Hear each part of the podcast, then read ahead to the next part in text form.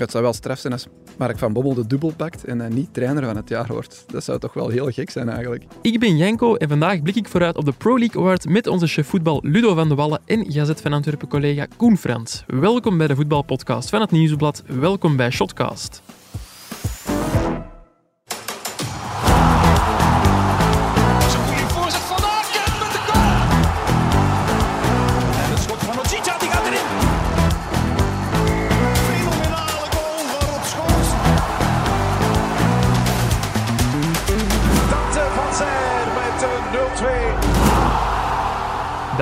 Dag Ludo, dag Koen. Janko. Goedemorgen. Zeg, hebben jullie al veel awards gewonnen in jullie eh, carrière of in jullie leven? Eh, veel niet, maar ik ben wel twee keer verkozen tot MVP van het seizoen bij VK Valarov, mijn voetbalploeg. En is dat dan omdat je je ploegmaat hebt omgekocht of omdat er is... Eh, sommigen beweren dat, Ja. maar dat was niet het geval, nee. Nee, omdat ik misschien wel af en toe verdienstelijk ben geweest voor die ploeg. En dat waren de andere spelers die, die stemden en de trainer. Dus ja, twee Mooi. keer op eh 15, 16 jaar dat ik er heb gevoetbald. Dus dat is toch een, een degelijk gemiddelde. Ik hoop eh, na uw transfer ook met Shotcast eindelijk eens een award te winnen. Ik zie er in de achtergrond ene blinkje. Ik denk van eh, de collega's van de Vrolijke Vrekken. Binnenkort hopelijk ook een voor Shotcast. Ludo, jij ooit een eh, award of een prijs gewonnen? Zelfs dat niet, Janko. Nee? Niet, niet dat ik mij herinner. Ik heb wel eens een loopwedstrijd gewonnen of zo. Oh, Van, oh, dat is ook een prijs oh, is dat ook een prijs? Ja. Oh, dan heb ik er veel gewonnen. nee, maar zo award voor eh, carrière of iets professioneel, niet dat ik mij herinner. Ja, ik professioneel ook niet wel op school ene keer. Dus bij onze proclamatie in het zesde middelbaar werden er prijzen uitgereikt. Dus voor de, degene die het beste was in wiskunde, beste in Frans. Ik heb de prijs gewonnen voor de meest sociale leerling. dat is echt de prijs voor de losers, een Ja. beetje. hè. Ja. Om je ook Hoe- iets te hoe- geven. Hoe een mens kan veranderen, hè? Dankjewel, Ludo. We gaan vandaag in totaal zes prijzen bespreken. eh, die worden uitgereikt op de Pro League Awards. Maar ik stel voor dat we meteen met de hoofdvogel beginnen. De Pro League Player of the Year. Daarvoor zijn drie geno- genomineerden. Die zijn al bekendgemaakt op eh, de social media van eh, het Nieuwsblad en van de Pro League zelf. Dat zijn Mike Tresor van Racing Genk, Teddy Thomas en Victor Boniface van Union. Ik mis een paar namen. Jullie ook? Ja, dat heb je natuurlijk altijd als er maar drie zijn. Hè. Maar er zijn inderdaad allee, de grootste naam, ik denk dat we het erover eens zijn, hebben we in de vorige shotcast ook altijd gezegd. wie moest er winnen? Wij zeiden altijd Toby Alderwereld. En wat blijkt, die staat niet in de top drie. Ja, we hebben het echt met vier gezegd, hè, dat hij niet in de top 3 zou staan, maar zou winnen ook gewoon. Ja. En hij is dus op plaats 4 geëindigd, want de volledige top 10 is al bekendgemaakt buiten de eerste drie plaatsen. Ja, Toby Alderweireld niet in de top 3. Zien jullie daar een verklaring voor? Kennen wij er zo weinig van? Of? Nee, ik denk niet dat het dat is. Eh, ik heb die top 10 gezien. Hè. Daar staat ook nog Jean Buté in. Mhm. Er staat ook nog Vincent Janssen in. En zoals dat, dat dan ook bij andere referen- re- referenda gebeurt, die spelers die pakken van elkaar punten af. Hè. Er is niemand die drie eh, spelers van dezelfde ploeg, zeker niet als je niet in, in die, niet in die ploeg speelt, op, eh, op de eerste drie plaatsen zet. Dus de ene zet Vincent Janssen, de andere zet Buté, de andere zet Alderwereld. En op die manier nemen ze eigenlijk van elkaar punten af. Ik denk dat dat de reden is. Ja, want het is Antwerp is wel de enige, nee, niet de enige ploeg met drie spelers in de top 10. Genk Racing ook, hè? heeft Ja. er ook drie inderdaad. Maar is dat dan het grote probleem inderdaad? Want ja, Union staat er wel mee. Twee in een top 3. In de top 3, Ja. maar niet in de top 10. Nee, dat is waar. Nee, ja, ik denk de voornaamste reden is toch dat verdedigers heel zelden zo van die individuele awards winnen. Aanvallende spelers vallen veel meer op. En ik denk dat dat bij journalisten zo is. Als je naar de, de verkiezing van de Gouden Schoen gaat zien, dat zijn bijna altijd aanvallende spelers. Ik heb de lijst van die profvoetballer van het jaar nog eens gekeken, wie dat allemaal heeft gewonnen. Daar heeft deze eeuw één verdediger dat gewonnen, dat is Vincent Company. Mhm. En verder heeft nooit een verdediger dat gewonnen. Het zijn Ga- altijd spitsen of aanvallende bal, hetzelfde middenvelders. verhaal. Fabio Cannavaro is al ongeveer... Ja, Virgil van Dijk is er nog eens dichtbij Ja. geweest. Maar verder zijn dat bijna altijd aanvallend ingestelde spelers. En ik denk, ja, het, zijn, het zijn de profvoetballers zelf die gestemd hebben. Als die moeten denken aan drie namen om in te vullen op hun blad, dat die toch ja, eerder geneigd zijn om aanvallend ingestelde spelers eh, erbij te zetten. De Alderweireld op vier staat is volgens mij al straf. Vorig jaar stond er geen enkele verdediger in de top 10 bijvoorbeeld. Dus Ja. het zegt wel iets over het seizoen van Alderweireld dat hij toch nog vierde is geëindigd. Maar effectief hadden we misschien toch wel in die top 3 verwacht. Ja, zou het ook te maken kunnen hebben voor een deel met eh, het imago van Antwerpen? Dat ze minder populair zijn bij de Dat tegenstanders? denk ik niet. Nee? Dat denk ik ook niet. Dat is nu zoiets dat begint te leven rond, eh, na die wedstrijd van zondag, hè, Club Brugge-Genk. Mhm. Maar ik denk toch niet dat dat afstraalt op de spelers. Ik denk dat dat meer eh, ja, op dit moment trendy is om, om, om Antwerpen niet leuk te vinden. Maar ik denk niet dat dat heeft meegespeeld bij die spelers. Koen heeft waarschijnlijk ook voor een heel groot deel gelijk. Eh, zoals meestal. Dankjewel. Eh, dat, dat het inderdaad eh, over een verdediger gaat. En als hij dat zo met cijfers en stat- statistieken kan aan, Ja, aanwijzen, kunnen wij daar niks tegen in kunnen wij er eigenlijk weinig tegen inbrengen. Ja. Daar zitten wij hier met ons lege blad. Nee, dat is niet waar. Ik heb ook wel statistieken bij. Eh, over Victor Boniface onder meer. Die eh, staat ook in de top drie. 9 goals en 8 assists in de Belgische competitie. Ja. Is dat niet een beetje weinig voor een Ja, aanvaller? maar ik denk dat hij enorm veel angst inboezemt. En al die eh, spelers van de, van de Super Pro League zullen ook wel naar die Europese matchen gezien hebben. Mhm. En ik heb net ook nog eens gecheckt, hij is topschutter geworden van de Europa League. Hij heeft evenveel doelpunten als Marcus Rashford. En ik denk dat dat toch ook wel meespeelt op het moment dat je moet stemmen. En Ludo zei hier net voor de uitzending ook, de stemming was net na het doelpunt van Boniface op Genk. Mhm.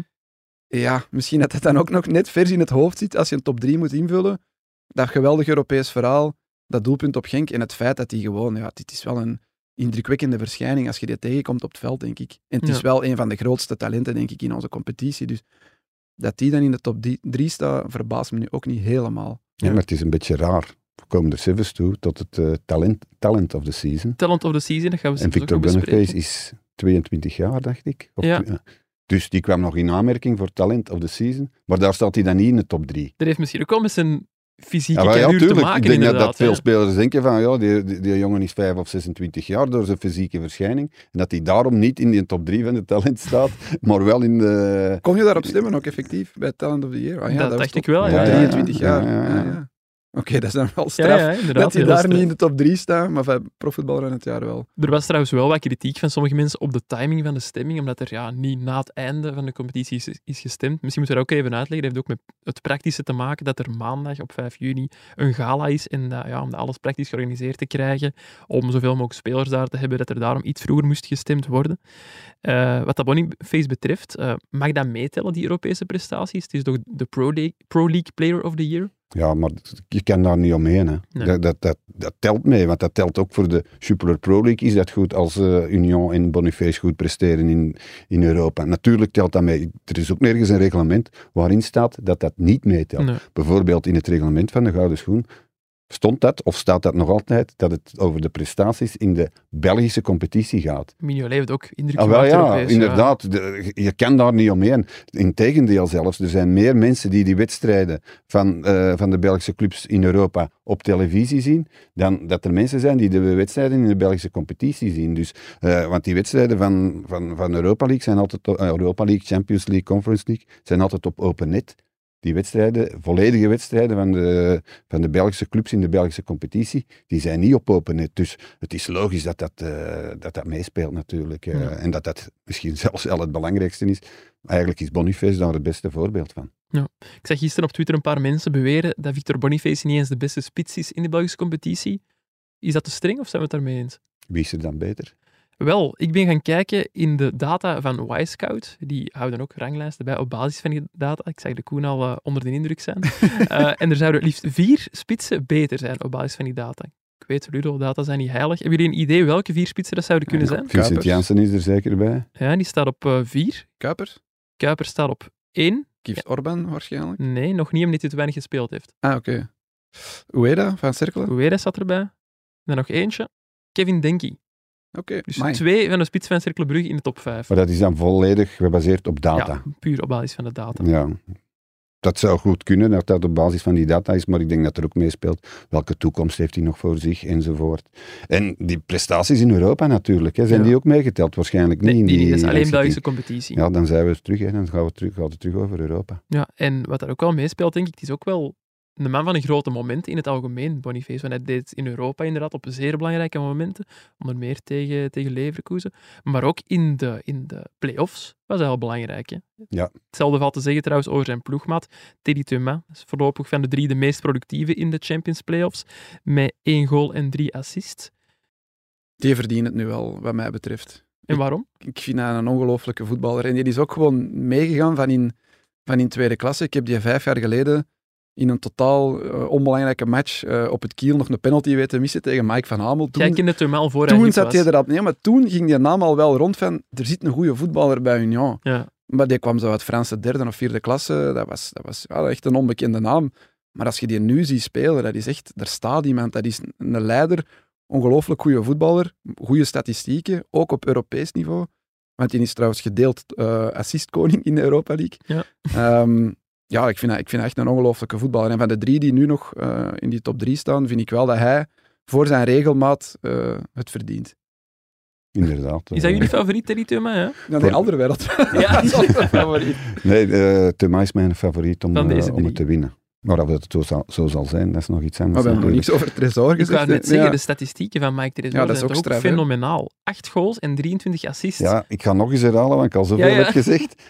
Die statistieken zijn fantastisch, maar ik vind het eigenlijk een beetje een voorbeeld van niet, niet alles is statistiek. Want ik vind die tijdens de wedstrijd, in de wedstrijd, vind ik die zijn rol eigenlijk veel te beperkt. Allee, veel te beperkt, beperkt in vergelijking met anders. Bijvoorbeeld Paintsil is veel belangrijker geweest in het spel dan, dan, eh, dan Tresor. Tresor heeft fantastische traptechniek. Eh, we hebben eens gediscussieerd, is dat nu de beste traptechniek dat, we- dat je ooit hebt gezien? Kevin De Bruyne was Er inderdaad komt, ja, ook niet slecht. komt, komt het heel dichtbij. Dus dat, dat, dat is zeker en vast. En hij is heel belangrijk voor de ploeg. Maar in het spel ontbreekt er voor mij iets eh, Ja, bij, bij Mike Tresor. een constant, een soort natuurlijk ook wel een ongelooflijk seizoen. Een seizoen dat hij voor de rest van zijn leven zal herinneren. Omwille van die statistieken.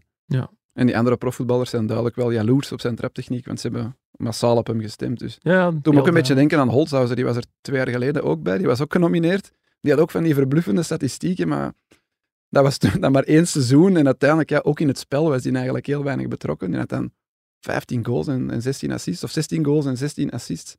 Ehm, denk dat Tresor wel ze nog, nog net iets beter trapt dan, eh dan Holzhauser te Maar trappen. wij kunnen nu ook discussiëren over de die er moeten instaan en die zal moeten winnen. Eh, de profvoetballers hebben gestemd en zij hebben het laatste, eh, laatste woord. En dat zijn toch Eh, de echte. Hè? Ja, ja in principe toch wel. wel. Zij, zij, zij staan Ja, tegen ja, die spelers op het, eh, op, het veld. En over elke ranglijst kan er gediscussieerd worden natuurlijk. Dus, eh, Dat is het leuke aan lijstjes ook natuurlijk. Inderdaad, inderdaad. We zitten hier officieel om het over de Pro League Awards te hebben, maar zondag staat er ook veel op het spel, de titelstrijd. Eh, kunnen deze genomineerden daar een beetje invloed op hebben? Gaan ze bij Antwerpen extra gemotiveerd zijn zondag voor die match tegen Genk? Ja, ik denk toch wel dat het pijn doet bij Antwerpen. Eh, en dat, dat is ook logisch. Hè. Een speler als Alderweireld, stel, nu voor, stel je voor dat hij nu profvoetballer van het jaar was geworden. Eh, player of the season, moeten we zeggen in het. Engels. Dan, dan zou dat een fantastische bekroning geweest zijn voor hem. Alles zou dan op zijn plaats vallen, denk ik. Hij heeft die beker dan al gewonnen. Misschien wint hij wel de titel. En dan nog eens eh, player of the season. Dat zou fantastisch geweest zijn, het eerste jaar dat hij terug is in België. Nu is dat al zeker niet het geval, eh, dat hij player of the season wordt. Dus ik denk wel dat dat wel een beetje pijn doet. Maar of dat, dat nu een verschil gaat maken zondag in die prestatie, dat denk ik niet. Ik denk dat zeker iemand als Toby Alderweireld op een, tof, op een topprof, dat dat eh, voor hem geen verschil maakt en dat hij er altijd eh, volle bak zal voor gaan. Nog eh, één wedstrijd te gaan. Durven jullie nu wel een titelfavoriet uit te spreken? Ja, favoriet, hè, dus met, als we met percentages moeten werken, dan denk ik nu toch voor de eerste keer eh, dat Antwerpen het gaat Oh, halen. Ik denk ik- dat Antwerpen gaat Oh. winnen op Genk. Verrassend. Ja, Ik, had, ik had op Union, ik Ja, had ik- Union verwacht bij Ik u. zou nu ook voor de eerste keer Union terug naar voren schuiven. Ja, ik zal hebben- Genk zeggen dan. Ja, pas op, Genk maakt... Ja, ik durf het ook niet echt in percentages uitdrukken, maar met wat er gebeurd is vorige zondag en met dat Union nu de, tussen aanhalingstekens, makkelijkere wedstrijd heeft tegenover Antwerpen, zou ik Union misschien een klein beetje meer eh, voordeel van de twijfel durven geven. Maar Antwerpen kan even goed winnen op Genk. Eh, Genk zou nog kampioen kunnen worden als, als Union het, het laat afweten tegen, tegen Club Brugge. Denk dat er bij Antwerpen heel veel gaat afhangen van Vincent Janssen ook. Of die er al dan niet zal bij zijn. Nou, maar bij Union, Boniface en Vergeet Thomas. niet, vergeet niet, Genk moet winnen. Moet Ja. absoluut Ja. winnen. Ze zijn sowieso al niet het sterkst in verdedigen. Nu gaan ze echt vo- voluit gaan. Dat is compleet in het voordeel van Antwerpen. Het gaat volgens mij een veel leukere wedstrijd zijn dan Antwerpen-Union vorige Ja. week. Wat, wat zeker gaat gebeuren zondag is drama. Ja? Er gaat iets gebeuren wat wij onmogelijk kunnen voorspellen nu, maar er gaat iets dramatisch Oh, gebeuren. kijk er al ben naar uit. daar ben ik- Penalty in de laatste minuut Ja, of zo. zoiets. eh, Ja. Of, of een rode kaart die niet, niet terecht is of zoiets. Maar we gaan er nog drie dagen over spreken. over die, eh, Ja, het zal over moeten, die er moeten kranten gevuld worden, hè, Ludo? Een podcast. Het zijn ook Pro League Awards maandag, hè, dus Ja. die zullen er ook wel eh, in de kranten verschijnen. De speler van het jaar, of player of the season, die speelt sowieso niet voor Antwerpen, maar de Great Old kaapt mogelijk wel een prijs weg op die Pro League Awards, want er wordt ook een eh, nieuwsblad Talent of the Year verkozen. Eh, dat is de belofte van het jaar. Die eh, winnaar wordt niet maandag pas bekendgemaakt, maar zaterdag, nee, vrijdag al, op de website van het nieuwsblad en daags nadien in de krant. En de genomineerden in die categorie zijn Arthur Vermeeren van Antwerp, Bilal El Canous van Racing Genk en Maxime de Kuiper van Westerlo. Ik mis opnieuw iemand en het is opnieuw een verdediger. William Pacho. Is hij Goh, dan maar opnieuw... als, als je die andere drie namen ziet, snap ik het wel dat hij naast de top drie valt. Ja, ik niet. Omdat die statistieken van Antwerp zijn toch echt fenomenaal verdedigend. En Pacho is volgens mij bijna even belangrijk geweest als Alderweireld. hè. Maar moesten ook hier de spelers stemmen voor, Ja, ja, Talent voor al die categorieën? speler, ja, ja, dan zal misschien weer dat verhaal van Ludo Vermeeren punten hebben afgepakt van Pacho. Ja. Dat je geen twee spelers van Antwerpen in de top drie stemt. En uw theorie, het is een verdediger ook natuurlijk. hè. Voilà, dan zijn we er al. Hè. Dan kunnen wij over naar de volgende categorie. Nee. nee, wie mag er van jullie winnen van die drie? Arthur Vermeeren, El Canoes of eh, de Kuiper? Voor mij is de keuze tussen eh, El Canoes en Arthur Vermeijren heel moeilijk. Ja. Ik vind Maxime de Kuiper akkoord, heeft ook een eh, heel goed seizoen gespeeld. Eh, maar de wedstrijden dat ik zag, vond ik hem meestal niet zo goed en vond ik hem vooral licht. Dus ik, ik, had zo het gevoel van, ja, als hij echt op een hoger niveau moet spelen, dat dat, allee, zo die, die topwedstrijden, dat dat voor hem moeilijker zou, zou zijn. El Canoes heeft nu op het einde van het seizoen een beetje meer last. Hij komt niet meer zo goed in aanmerking, maar we mogen niet vergeten wat voor fantastische wedstrijden dat hij heeft gespeeld voor het WK bijvoorbeeld. Hij heeft de WK gespeeld ook en al. hij heeft, en heeft op 2K gestaan. Dus. En Arthur Vermeijden is natuurlijk eigenlijk ja, uiteindelijk de revelatie van het seizoen. Hè. Vorig jaar eh, nobody en nu gewoon wordt hij al genoemd bij Manchester United, Barcelona. Ja, dan toch misschien Arthur Vermeijden met eh 1% meer dan eh El Canoes. Akkoord, Koen? Ja, ik ben een mega fan van eh, Arthur Vermeeren. Eh, ik zou hem graag ooit bij Barcelona zien. Hij heeft ook wel een klein beetje een terugval gehad de laatste weken, maanden. Maar die is er ook Geen pas heel grote, laat. hè? Ik vind, allee, Nee, geen extreme terugval. Nee. Hè. Misschien niet zo groot als El Canoes. Eh, maar El Canoes heeft het wel een heel seizoen gedaan. Hè. Vermeeren is er pas ingekomen in november of zo, of, of december. Ik denk november zijn eerste basisplaats. Maar ja, die eerste matchen waren zo goed. Dat was zo straf wat hij liet zien. Ook direct in topmatchen op Club Brugge en zo. Dat ik denk dat, dat ja, andere spelers zien dat ook. Dat is een, dat is een generationeel talent dat, dat om de zoveel jaar is opduikt eh, op de Belgische velden.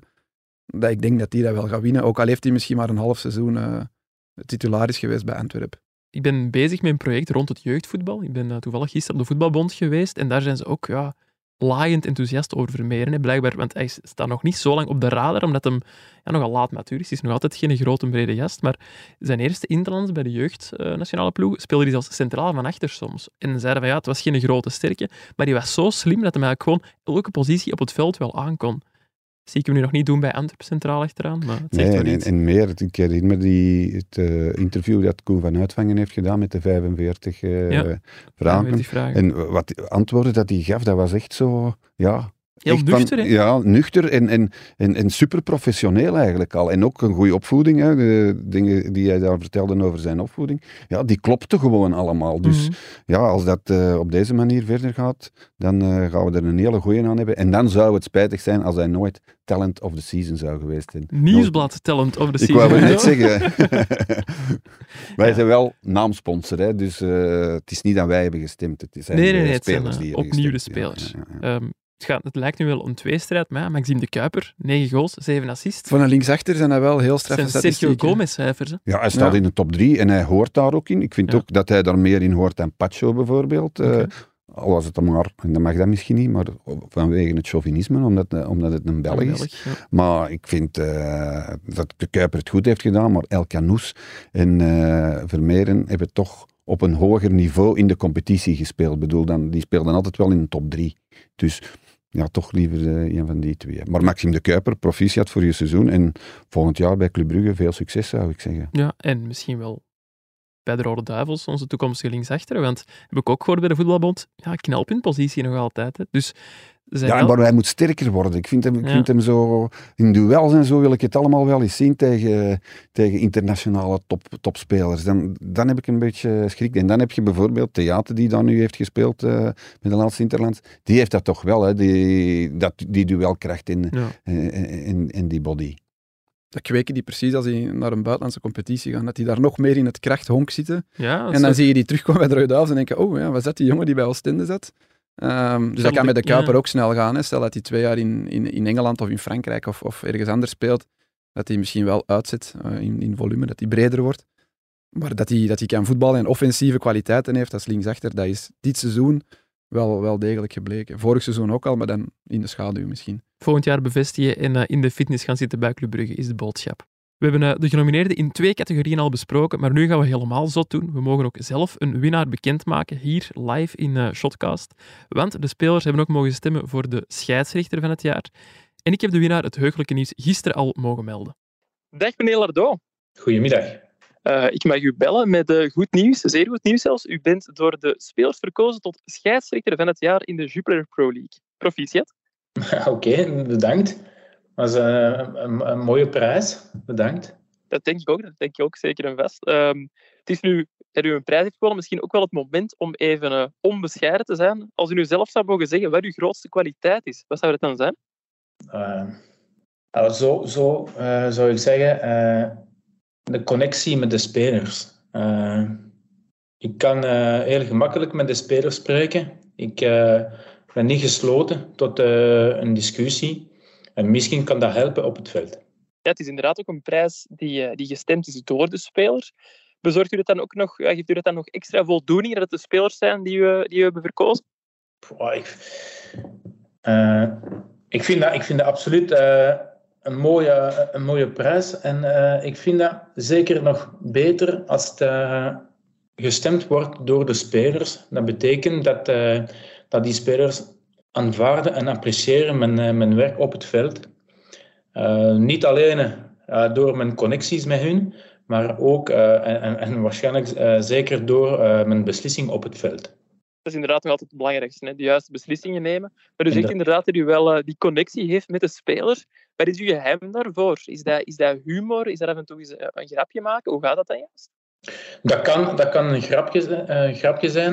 Dat kan soms iets strenger zijn, maar correct blijven. Eh, want eh, soms zijn er eh, vele emotionele reacties op het veld en je moet, je moet eigenlijk jongleren tussen kracht en, en, en, en humor, vind ik. En soms, met een, een glimlach en zonder arrogant te zijn, kun je een, een boodschap geven. Ah, Oké, dat is wel mooi. En, en wie is zo de speler met wie u zelf al het hardst heeft moeten lachen in 1A? Wie is de grappigste speler?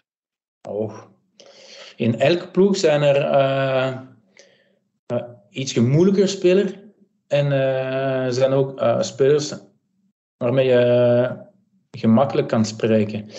Het is eigenlijk zo, in, een, in een ploeg heb je st- sterk, sterke spelers nodig die meer op hun fysiek spelen en, en, en ook spelers die meer op hun, op hun techniek spelen. En eh, er zijn ook spelers die meer kunnen babbelen en, en, en, bij sommige spelers kun je, kun je eigenlijk weinig spreken. Dus je moet de juiste woord vinden om hun aandacht eh, te krijgen op korte termijn en eh, direct laten, laten begrijpen wat je aanvaardt en wat je niet aanvaardt. U heeft nu voor de derde keer, als ik me niet vergis, de prijs van scheidsrechter van het jaar gewonnen. Wat zijn de ambities nog voor de komende jaar? Ik heb altijd dezelfde ambities in het begin van elke seizoen. Eh, gewoon eh, goed presteren. Eh, zo, zo weinig fouten maken op het veld. Zelfs als we de VAR hebben, hou ik rekening, geen rekening mee.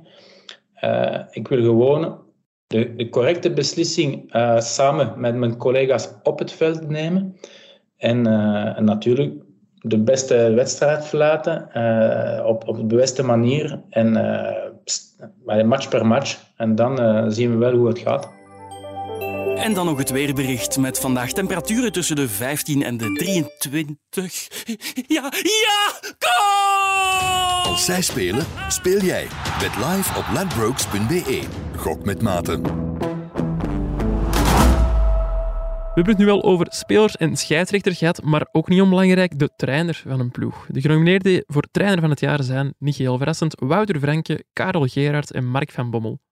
De logische namen, Koen en Ludo. Ja, tuurlijk, de top drie uit de rangschikking. En ze hebben het alle drie uitstekend gedaan. Elk op hun manier, maar ze hebben het uitstekend gedaan. Ja. Ze hebben echt het maximum uit hun team gehaald. En dat is hetgeen wat je mag verwachten. Ik zeg niet dat ze in de plaats van die drie hadden moeten staan, maar een paar eervolle vermeldingen wilde ik er wel nog tussen gooien. Jonas de Roek, toch heel knap gepresteerd met Westerlo. Zeker. Belg, in shotscast gezeten. Dat is altijd een bonuspunt. Eh Ronnie Deila, met Standaard, Ja, nieuwe trainer van Club Brugge. inderdaad. Miron Muzelic, Cercle Brugge, toch ook een heel herkenbaar voetbal gebracht. Ik zie Ludo uh, van schudden. Ja, nee, dat, eh, dat vind ik nu niet dat hij echt in de top 3 had gehoord. Eh, of- Nee, nee, ik zeg het ook niet, maar wel een eervolle top 5. De vermelding. twee vorige namen die je noemde, Deila en De Roek, akkoord. Maar Moeslic, dat wil ik nu toch nog wel even zien. Had eh, Scott Parker stemmen gekregen? We hebben nooit, hè, ja. ja, dat zou toch wel grappig zijn. Dat zou heel goed zijn. Dat zou zo de Liberato Cacace van de Ja, ja, ja. trainer van het jaar kunnen worden. Die ook ooit drie stemmen bij de Gouden Schoen kreeg. Over Ronnie Deila nog even kort. We gaan niet te diep ingaan op de ja, eventuele toekomstige verkoop van Club Brugge. Maar hoe moet hij zich nu voelen? Die wordt trainer van Club Brugge en die leest een paar dagen later in de krant van ah, misschien komen er hier nieuwe bazen, nieuwe wetten. Ja, dan moet hij zich voelen zoals wij ons voelden toen, eh, toen hij ons heeft belogen. Hè. Dus, eh, dus Nu dat blijft nee, kwaad. Dat is nog niet verteerd, dat is heel duidelijk. Nee, nee, maar van hetzelfde laken een broek zou ik zeggen. Over eh, de drie genomineerden. Dat zijn, ja, een van die drie wordt straks ook kampioen met zijn ploeg. Ehm, Koen van Uitvang, onze colle- collega, heeft vandaag in de krant eh, donderdag een interessant stuk geschreven over de kampioenenmakers van de laatste twintig jaar. En over die drie coaches ook. En het feit dat die opvallend veel gelijkenissen eh, vertonen. Het zijn echt drie bijna volledig dezelfde profielen. Het zijn alle drie ex-profvoetballers. Ze zijn alle drie niet meteen hoofdcoach geworden. Eerst begonnen als assistent of in de la- lagere reeksen. Ze zijn in de 40, net als Ludo. Nee, dat is niet waar. Eh, ze spreken Nederlands of Engels. Ja, allebei in hun geval. En het waren centrale middenvelders. Ja. Dus Koen, eigenlijk straf. zou jij ook nog bijna Ja, maar ik zou een goede coach zijn. Eh, ik wou wel nog zeggen, van die drie, ehm, vind ik het misschien toch het strafste wat Karel Gerards heeft gedaan. En waarom? Met die andere twee niet te niet te doen of zo. Ja, die heeft ook nog tussendoor een kwartfinale van de Europa League en een halve finale van een beker bereikt. En ja, die is zijn beste spelers, of Union is zijn beste spelers, vorig jaar kwijtgespeeld. En dat is zijn eerste seizoen als hoofdcoach. Dat speelt toch wel allemaal mee. Pas op, wat dat Franke met, met Genk heeft gedaan, die zijn vorig jaar twaalfde of zo geëindigd. Eh, die zijn ook eh, een deel van hun beste spelers kwijt. En Van Bommel uiteraard ook, maar zo, toch nog net iets meer voor Gerard. Ik vind dat toch... Wie had dat verwacht dat Union Nee, nee, kwartfinale een Europa League ging halen en opnieuw ging meedoen tot de laatste speeldag voor de titel? Maar ja, wie had Genk Ja, verwacht ook er wel... niemand. Ja, nee, dat is waar. En Antwerpen misschien ook niet in die mate, maar... En dat die voor de dubbel kunnen gaan, dat zou ook ga- enorm straf zijn. Die andere twee hebben het fantastisch gedaan. Hè. Die, en Karel Gerards uiteraard ook, maar ik ga voor Wouter Franken. Ja, Hm. ik neig ook naar de Franke door het Omwille van voetbal. het grote verschil de, met, met vorig seizoen. En inderdaad, Ja. veel spelers kwijt. Hm. En vooral de manier waarop hij voetbalt. De, allee, ik vind dat we dat altijd moeten ondersteunen als pers. hè. Wij, wij hopen toch ook geëntertained te worden tijdens een wedstrijd. En daar zorgt Wouter Franken met het voetbal dat hij brengt altijd voor. En daarom eh, ga ik voor Wouter Franken. Karel Gerards, uitstekend. Alle argumenten van Koen zijn, eh, zijn terecht. Maar ik vind ook, Wouter Franken heeft ook wel spelers. à la Thuma, Nieuwkoop, à la Burgess, à Maurice. Dat zijn wel spelers, ja, die kun je loslaten op een veld. Hè. Die regelen alles wel hoor, eh, op het veld. Dus daardoor wordt hij wel geholpen. Nog eens, geen afbreuk aan Karel Gerards, want die heeft het fantastisch gedaan. En Van Bommel op zijn manier heeft, heeft het ook heel goed gedaan. Eh, ook met een team waar we ook niet hadden van verwacht dat zij tot de laatste speeldag eh, zouden meedoen voor de titel. Dus Ik hoop eigenlijk dat de winnaar degene is die ook kampioen wordt. Maar dat, Ja, dat is moeilijk, hè? dat is moeilijk nu Maar natuurlijk. het kan, hè, maar natuurlijk... de winnaar zal al bekend zijn waarschijnlijk. Eh, Voor allee, bij de Pro voor- League wel. Voor, voor een, bij een klein groepje. Dus eh, ja, het zou kunnen dat het... ja, nee, het zou niet kunnen. Het is een van die drie. Maar bij Wouter Franke wou ik wel nog zeggen, deze parcours is ook wel echt straf. hè. Is hij niet begonnen in vierde provinciale Ja, of zo als trainer? elke reeks gepromoveerd. Allee, elke Ja. reeks coach geweest. Ja, dat is echt heel straf. En dan de beker gewonnen als tweede klasser met KV Mechelen. Dat seizoen met propere handen met KV Mechelen ook nog kampioen en zo. En dan nu ook voor de eerste keer naar een topploeg en direct ja, die uit het slop eh, getrokken. Mhm. Nog veel meer dan Ronnie Deila bijvoorbeeld bij Standaard heeft gedaan. En ja, direct voor de titel meedoen. Ja, het is, ja, ik vind het moeilijk, maar ja, Koen blijf erbij. draaien. Koen gaat Ja, ook ja, aan de ja. Wouter Nee, ik blijf toch... De waan van het moment. Nee, ik blijf bij Gerard. Of dat ze nu kampioen worden of niet, ik vind het echt straf. Eerste seizoen als hoofdcoach, dat presteren. Ik vind het echt eh, Maar dan de context van de stemming op dat moment, hè, dat er nu gestemd is de afgelopen twee weken, had er nog maar één trainer een prijs gewonnen natuurlijk. Hè, en dat was. Mark Ja. van Bommel. Dus ja, misschien gaat het dan toch eh, naar Mark van Het gaat Bommel echt gaan. extreem spannend zijn, denk ik. De andere jaren was er zo altijd wel ene die er bovenuit schoot, denk Wat ik. ik En nu is het echt wel spannend. ergens denk, is Mark van Bommel is ook een hele bekende naam al als speler geweest. En voor veel buitenlandse spelers die ook mogen stemmen, spreekt dat misschien nog iets meer tot de verbeelding. Speelt dat ook nog wel een beetje mee in de perceptie? Ja, en ik denk ook voor die spelers, hè, wij, we hebben het dan het over het entertainmentgehalte. Eh, voor die spelers maakt dat minder uit, denk ik. eh, of dat ze nu leuk voetbal spelen of niet. Zij kijken naar eh, ja, wie, wie, wie wint hier prijzen. Dus misschien is het dat wel in de stemming dan in het voordeel van, eh, van Mark van Bommel. Het zou wel straf zijn als Mark van Bommel de dubbel pakt en hij niet trainer van het jaar wordt. Dat zou toch wel heel gek zijn, eigenlijk. Dat zou inderdaad heel gek Ja, maar het is ook al gek als Antwerpen de dubbel pakt en er staat geen ene speler bij Ook de al, genomineerden ja. in de top drie. Ja. Dat is ook al, dat is ook al gek. Wat dan niet in het lijstje van Koen van Uitvangen stond, wat ik ook wel vind van die drie trainers, zijn heel goede communicators ook. Hè. Ja. Nuchter, Ja. met humor, ook niet, niet te druk doen langs de lijn. Denk wel heel veel beïnvloeden, heel subtiel, maar niet à la Michel Predom met hun armen staan zwaaien. en Nee, iedereen... nee, nee, nee. Ik, ik heb dat al gezegd. Hè. Die, de trainers, de toptrainers van nu in de Belgische competitie, die doen normaal. Die doen gewoon, die, je stelt die een vraag, die antwoorden op de vraag. Die antwoorden echt op de vraag die je Mhm. stelt. Als het slecht was, was het slecht. Als het goed was, was het, was het goed. Maar dat is niet met een verborgen agenda van eh, als ik dat zeg, dan gaan ze, gaan ze volgende week dat doen of Zo zoiets. hebben wij geen trainers in België. Daar gaan we nu niet terug over Nee, nee. Absoluut niet. Er wordt trouwens niet alleen in, in A gevoetbald, ook in eh, 1B, of de Challenger Pro League, zoals we moeten zeggen.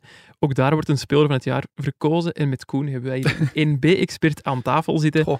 Koen, wat moeten we weten over Dieu Merci Mbokani, Youssef Chalouk en Tierno Barry, de drie genomineerden, waarvan er twee voor SKB verspelen en eentje voor kampioen RWDM. Ja. ehm Chalouk is de dribbelkont metronoom van RWDM. Antwerpenaar ook. Antwerpenaar van Boom. Totaal onbelangrijk, maar ik voeg Ah, ja. het toe. Hij heeft lang in, in, in tweede klasse ook bij Deinze gespeeld. Ja. Ehm, was nu naar Kortrijk gegaan in de zomer. Ja, maar het had seizoen voordien ja, ongelooflijke statistieken ook. ja, dit seizoen had hij ook wel goede statistieken, maar hij kon dat nu eindelijk naar de eerste klasse, maar hij had al snel door dat hij bij Kortrijk, ik denk dat Belossi nog trainer was, Mhm. dat hij daar geen kans ging krijgen. Dus nog, ja, hij heeft eigenlijk twee transfers in één zomer gedaan, dus hij werd meteen uitgeleend aan RWDM. En hij was een schot in de roos. Hij is wel bij RWDM niet verkozen tot speler van het jaar. Dat was Zakaria El Ouahdi, die staat op nummer eh, vier in deze verkiezing. Je hebt die twee samen gesproken ook. Ik heb die allebei samen geïnterviewd. Ze hadden toen ook verklapt dat ze op elkaar hadden gestemd voor deze verkiezing. Het zijn ook gewoon goede vrienden, twee Antwerpenaars. Eh, en dan Barry, Barry is topschutter geworden bij Beveren, een jonge gast. eh, heel snel, heel doelgericht. En een Bocani, ja, die moet ik niet meer voorstellen. Die heeft denk ik tien of elf matchen minder gespeeld dan al die andere mannen, maar heeft gelijkaardige statistieken. Dus Ja, ik heb ze erbij 14 goals en 8 assists. ja, dus, ik denk dat hij bijna één in, in elke match bij een doelpunt betrokken was. In Ja. 37 jaar. Dat is wel straf. Ja. Ja. ik moet aan advocaat van de duivel spelen. Is een Bocani op zijn leeftijd nog zo goed? Is dat zo'n topprof? Of is het niveau in NB dan misschien lager dan dat we denken? Koen, jij volgt Nee, goh, mix van beide, denk ik. Het niveau is, is, denk ik, is degelijk. Ik denk dat tweede klasse, dat er ooit wel beter gevoetbald is ook. Maar het feit dat een Bocani op zijn 37 dit nog kan, is toch vooral de verdienste van een Bocani, denk ik. De Zlatan Ibrahimovic van eh, Ja, hij is de nog altijd- velden. Fysiek indrukwekkend en geeft hem een malse kans en, en, en het is goal. Dus eh, want hij speelt daar wel nog tegen, tegen degelijke verdedigers, ook, eh, ook tegen die belofteploegen. Dus ehm, ja, ik vind het moeilijk om, eh, Te kiezen. om te kiezen. ga je ja. toch moeten vragen. Ja. Puur op talent en op verdiensten voor de ploeg zou ik een Bocani zeggen. Het zou wel mooi. het- Ik zou het een mooie winnaar vinden ook wel. Ja. Ja, maar het zou, zou dat dan niet de indruk die je nu zegt van ja, is het zo gemakkelijk in EMB de indruk geven van armoedig eh, voetbal in, eh, in, in EMB als een speler van 37 jaar zou winnen? Ja, het is wel Ja. echt een hele goede. Ja, het is, Ja, hij ja, heeft ook gouden schoenen in we dus eerste niet onderschatten. rollen, Hè. ja. We- ja, die, die heeft zo een carrière gemaakt. Overal waar die kwam, scoorde die bijna. Hè. Zeker, zeker in de Belgische competities eh, waar hij heeft gespeeld, was hij altijd wel heel, heel belangrijk. Zeker, maar ik zou toch liever hebben dat zo Barry gast. of, Ja, eh, Barry. Of Chalouk eh. Die zijn toch iets jonger. En geeft u toch ook het gevoel van, ja, Ja. wauw, er, er gebeurt iets in, in EMB. Ja, over die Barry gesproken. Ik ben eh, voor de stemming ook filmpjes gaan opnemen bij verschillende ploegen, onder meer bij SK Beveren. En daar waren die ploegmaats ook echt wel van onder de indruk. Ja, Ik, maar die is 20 jaar, hè, dat Ja. is echt... Ja. ik stelde onder, onder meer de vraag, wie is de, de sterkste speler uit de competitie? Zeiden ze Barry. Wie is de snelste speler? Zeiden ze ook Barry. Dus er moet een ongelooflijk compleet profiel zijn ook wel. Ja. is de best geklede, was hij dat? Nee, nee, nee. Dat was een Bocani. Ja. Nee, weet ik niet meer van buiten. Ja, dat is een die een, ehm, ik weet niet of ze hem gaan, gaan kunnen houden, eh, want Beveren is uiteraard niet gepromoveerd, RWDM wel. Ehm, ik weet niet of hij Barry nog een jaar in, in tweede klasse gaat voetballen. Nee. Ik denk dat hij ondertussen ook wel op lijstjes van, van eerste klassers eh, zal staan. En ik denk als hij in eerste klasse speelt, dat hij er ook... Ik denk dat hij er nu 18 had gemaakt eh, in tweede klasse. Ik denk dat hij een gelijkaardig aantal in, in eerste klasse moet kunnen maken. Het is echt, echt wel een complete spits en nog veel progressiemarge, in tegenstelling tot een Bocani. Ja, dat is waar. Ja. Dat, er gaat niet meer veel verbeteren, denk ik. Het was allemaal al heel goed. Dat brengt ons al bij onze laatste categorie van vanmorgen, de Lotto Super League Player of the Year. Dat is de speelster van het jaar in de vrouwencompetitie. En daarover heb ik het daar straks al gehad met Valerie van Avermaat, onze Red Flames watcher en kenner van het vrouwenvoetbal. Dag Valerie. Hey, dag Janko. Zo spontaan. Eh, vertel eens, wat moeten wij eh, weten over de drie genomineerden voor de Lotto Super League Player of the Year? Ja, de eerste is Vatafu. Eh, dat is de nummer 10 van Anderlecht. Dus dat lijkt mij logisch dat hij erbij is, want Anderlecht is opnieuw kampioen geworden en zij speelt daar wel een belangrijke rol in. Ehm, ze is ook al een aantal jaar bij Anderlecht en ze voelt zich echt wel goed in België bij de ploeg. En dat schiet je ook op het veld. En ze heeft eh, recent ook bijgetekend voor twee seizoenen, dus eh, dat zegt ook wel veel, denk ik. Oké. Nummer twee dan? Ehm, nummer twee is Lore Jacobs. Ik moest al nadenken. Eh, die is nog heel jong, die is 18 jaar, denk ik. En die kwam afgelopen zomer over van Gent naar Anderlecht. En de bedoeling was een beetje om het vertrek van Tessa Willaert op te vangen. Want Lore Jacobs is een aanvalster.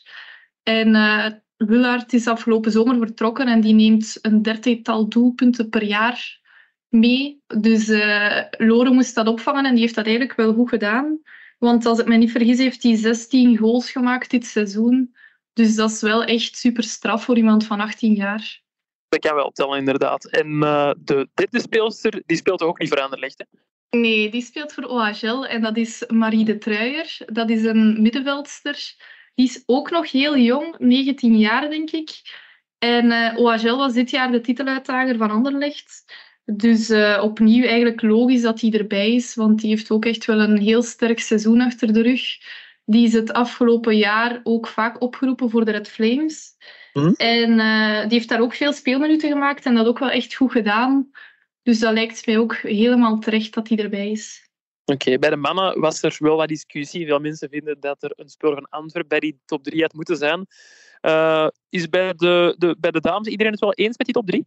Ja, ik weet het niet heel goed. Ik heb nog geen eh, berichten gekregen van mensen dat ze niet tevreden zijn. Maar het is wel opvallend dat er geen eh, vaste waarde van de Red Flames is geselecteerd. Omdat die... Allee, dat zegt natuurlijk ook wel iets als je een vaste waarde zet bij de nationale ploeg. Ik denk dan aan Nicky Evraar, die de gouden schoen heeft gewonnen dit jaar. Die zit er niet tussen. Dus eh, dat is een beetje opvallend. Maar langs de andere kant is het niet zo opvallend dat er twee speelsters van de landskampioen bij zitten en eentje van de titeluitdager. En eh, wie mag er winnen van onze kinderen van het vrouwenvoetbal? Ja, het is altijd moeilijk kiezen natuurlijk, Janko. Maar ik ga toch een beetje chauvinistisch zijn. Eh, dus ik was aan het twijfelen tussen Lore Jacobs of Marie de Truijer. Maar ik ga toch voor die laatste kiezen. Omdat die... ehm, ik heb de titelmatch live gezien tussen Anderlecht en OHL. En OHL was daar eigenlijk behoorlijk slecht. En Marie de Truijer was daar het enige lichtpuntje bij OHL. Dus ik vind dat wel straf als iemand van 19 in zo'n moeilijke wedstrijd toch de beste van de ploeg kan zijn. Dus ik ga voor haar. Voilà, mannen. Het eh, zit er al op. Wat gaan jullie deze week nog allemaal doen? Niet veel niet meer. Het is al bijna weekend. Nee, inderdaad. eh, zaterdag schoolfeest van mijn zoon. Oh, leuk. Ja, en zondag eh, de meest dramatische dag van het jaar op voetbalvlak. Naar welke eh, wedstrijd gaat je? Want je moet kiezen. Ja, ik eh, ga toch voor Genk eh, Antwerp gaan. Ja. Eh, gewoon omdat daar twee op drie, op drie kansen zijn dat er, dat er een kampioen is. Ik heb hetzelfde En in- geredeneerd. En ja. in Brussel. Jij mocht niet mee in een helikopter zitten van uh, Lori in Parijs. Nee. Nee, nee, nee, nee, nee, nee, nee, nee. Ik vind het eigenlijk een beetje raar ook zo, dat dan, met die helikopter. Mooie stunt, maar Het is een stunt, Ja, denk het viel me ook op in het persbericht. De, de helikopter was de Jupiler-helikopter. Ja, dan is het eigenlijk dat de reclame ah, wel, ja, ja, dan, dan vind ik het nog oké, maar anders moest dat nu niet gesponsord zijn, dan zou ik dat wel een, eh, een raar initiatief vinden, want je kunt gewoon heel gemakkelijk met een replica van die, van die beker werken. Hmm. En die, die zet je dan in, eh, in Brussel en, en, en de echte beker in, eh, in Genk. Maar goed, het is een stunt, laat ons het zo zeggen. Koen, jij ook eh, naar Genk? Eh, ik ga de, de multilife van thuis volgen. Ah, oké, dat is ook goed. Dat, dat wil ik ook wel eens zien, hoe, dat ze het bij Eleven aanpakken met, wat was het, 35 journalisten en, en eh, heel veel medewerkers. En, Jij zei ex-hoofdredacteur van Eleven. eh, co-hoofdredacteur. Co-hoofdredacteur, Ja, ja. dus ja, Dus ik ben heel benieuwd hoe dat ze dat gaan aanpakken, eh, oprecht. En ehm, ik heb zaterdag ook eerst een turnfeest van mijn dochter. Dus eh, Zaterdag is duidelijk wel... eh, dat is de ja. feestdag. En dan feestdag. zondag de voetbaldag. Oké, dan moet ik nog een feestje zoeken voor zaterdag. We krijgen bezoek. Nou, juni is een verschrikkelijke maand van feestjes, niet? Ja, bij, Dus ik, het, heb, het, ja. het, het zit propvol ik heb nog geen eh, kinderen. Hè. qua feesten. Je mocht naar het turnfeest van mijn dochter komen kijken. Ja, ik heb toch al plannen. Ik moet meedoen, hè. Ik moet meedoen. Ja, bij de jongste kinderen moeten de ouders meedoen. Misschien ik toch kijken. ik heb eh, trouwens vorige week donderdag een fles gin van MM Antwerpje, het eh, drankmerk van Toby Alderweireld, weggegeven. Die is gewonnen door Jeroen Jenses. Die mag ons op eh, Instagram van Shotcast een berichtje sturen met zijn contactgegevens en dan gaan we hem die fles bezorgen. En maandagmiddag zijn we er al opnieuw met een reguliere aflevering over de ontknoping van de titelstrijd. En maandagnacht zijn we er dan nog eens opnieuw met een extra aflevering iets korter, maar met een sfeerverslag van op de Pro League Awards. Daar gaan we hopelijk eh, ja, wat winnaars kunnen spreken, wat bekende koppen die we zullen spotten op de rode loper. Is het een rode, Ludo? Ja, toch?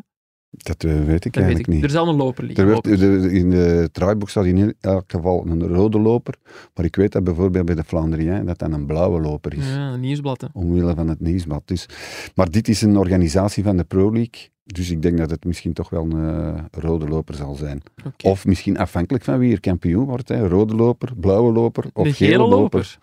Who knows? Ja, bij Union Genk Maar ik kijk er wel naar uit, want ik ben echt wel benieuwd wie dat nu die profvoetballer van het jaar gaat worden, wie dat het talent of the season gaat worden, wie de trainer gaat worden. Het, het lijkt me allemaal spannender dan andere jaren. Ja, ik vind ja, er is Dat heel discussie ook, ja. geweest Ja. in deze aflevering. Ja. Dus dat, eh, en op, op Twitter ook trouwens, heel veel verschillende meningen. Dus, eh, Veel mensen die vooral roepen van waarom is de D er niet bij? Ja, dat is die dat die krijg je. Ja, dat krijg je altijd. Ja, en dan zijn wij toch buiten schot als eh, journalisten en, Ah en waarnemers, want wij hebben niet gestemd. Het zijn de spelers zelf die hebben gestemd. En die kennen ja. er echt wat van. Hè. Zeker en vast.